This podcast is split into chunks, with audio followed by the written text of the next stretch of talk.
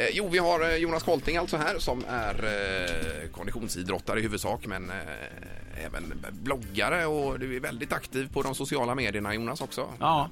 Och föreläsare. Ja, ja visst. Ja, och då det är har- ju framförallt det som jag gör idag egentligen. Jag föreläser och skriver. Det är ju, Ja.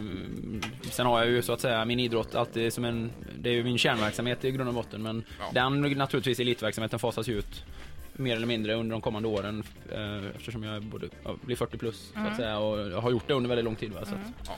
Eh, Men, men eh, om vi börjar med, det- finns ju väldigt många olika träningsformer idag Mm. och de heter som du var inne på Peter, allt möjligt på engelska de här Ja, sakerna. går man in och tittar på olika gym så finns det, ja jag vet inte, om jag 20-30 olika typer av eh, pass Ja. man kan besöka. Eller koncept kan man kalla det Koncept för. ja. Eh, vad, vad har du nå- något som du tycker är... Bättre än något annat? Eller sämre än Ja, något annat? eller, eller vad tycker du om alla de här koncepten? Jag, jag skulle säga så att jag tycker all träning är bra träning. Så länge inte man skadar sig och så länge inte så att säga man redan man så att säga adderar stress till ett redan stressigt liv. Och idag är ju det intressant, alltså vi lever ju i de här snabba kickarnas tidevarv, alltså vi ska spara tid och vi omges ju av dum retorik där man säger att ah, fem minuter träning hos oss, det blir som en timme löpning och alltså fem minuter kan ju aldrig vara mer än fem minuter va.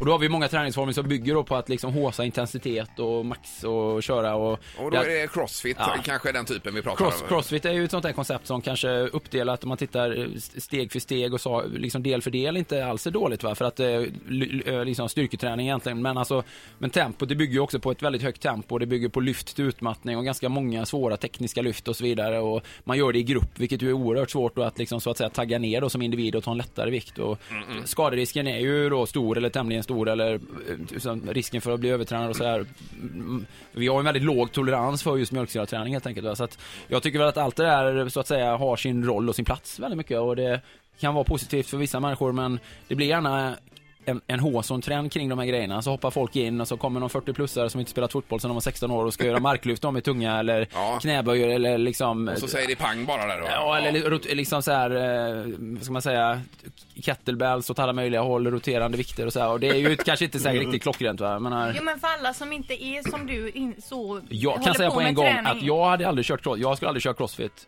Jag skulle, inte- jag, jag skulle inte gå in i en crossfit-lokal. För, för att Nej, för att jag hade, jag hade blivit skadad och det hade inte varit konstruktivt för mig. Det hade inte varit, jag, hade fullständigt, jag kan säga så här, jag har vunnit VM-medalj i triathlon, jag har aldrig gjort den, jag har inte kunnat göra en regelrätt knäböj hela mitt liv. Min, min kropp är inte anpassad för Men- knäböj. Nej, Återigen, in- bättre att röra på sig men än att inte röra. Men jag Ja, tänker för någon, en vanlig person då. Ja, hur... Som inte liksom kan lägga flera timmar varje dag på träning. Vad skulle du rekommendera då? Det får man ju ab- absolut inte göra. Jag tycker man ska lägga lite grann tid fast ofta. Nej, jag skulle vilja säga att gör det som är tidseffektivt. Eh, kör en kombination av eh, exempelvis eh, löpning och promenader eller snabba promenader Om man inte man har en kropp för löpning. Ja, men Det har vi allihopa, så att det är bara frågan om, om man har kommit igång eller inte. Men en kropp för löpning, det kan jag garantera att vi har är allihopa. jättetråkigt. Vad skulle man göra då? Ja, fast det är ju en inställningsfråga. Då hamnar man återigen i det här liksom, jag vill gärna komma i form fast jag vill inte göra något åt det. Eller jag vill gärna äta nyttigt fast jag vill inte lägga tiden på det. Så att jag menar, då, då sätter man sig själv i en omöjlig situation.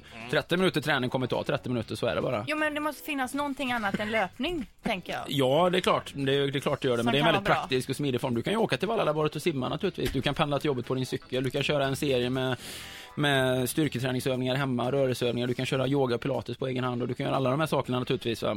Och ska du ta dig till en anläggning så tar det lite mer tid. Så allting handlar ju om hur mycket tid man är villig att lägga, vilket commitment man vill ha. Va? Men du, du, för, du förespråkar inte att man går på gym Det, överhuvudtaget då? absolut, om man vill ta sig den tiden, men då har man ju mycket ställtid kopplat till det också, så att säga. Så att eh, jag, jag säger återigen, all träning är bra träning så länge inte man blir skadad av den.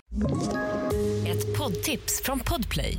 I fallen jag aldrig glömmer djupdyker Hasse Aro i arbetet bakom några av Sveriges mest uppseendeväckande brottsutredningar. Går vi in med hemlig telefonavlyssning och, och då upplever vi att vi får en total förändring av hans beteende. Vad är det som händer nu? Vem är det som läcker? Och så säger han att jag är kriminell, jag har varit kriminell i hela mitt liv men att mörda ett barn, där går min gräns. Nya säsongen av Fallen jag aldrig glömmer på Podplay.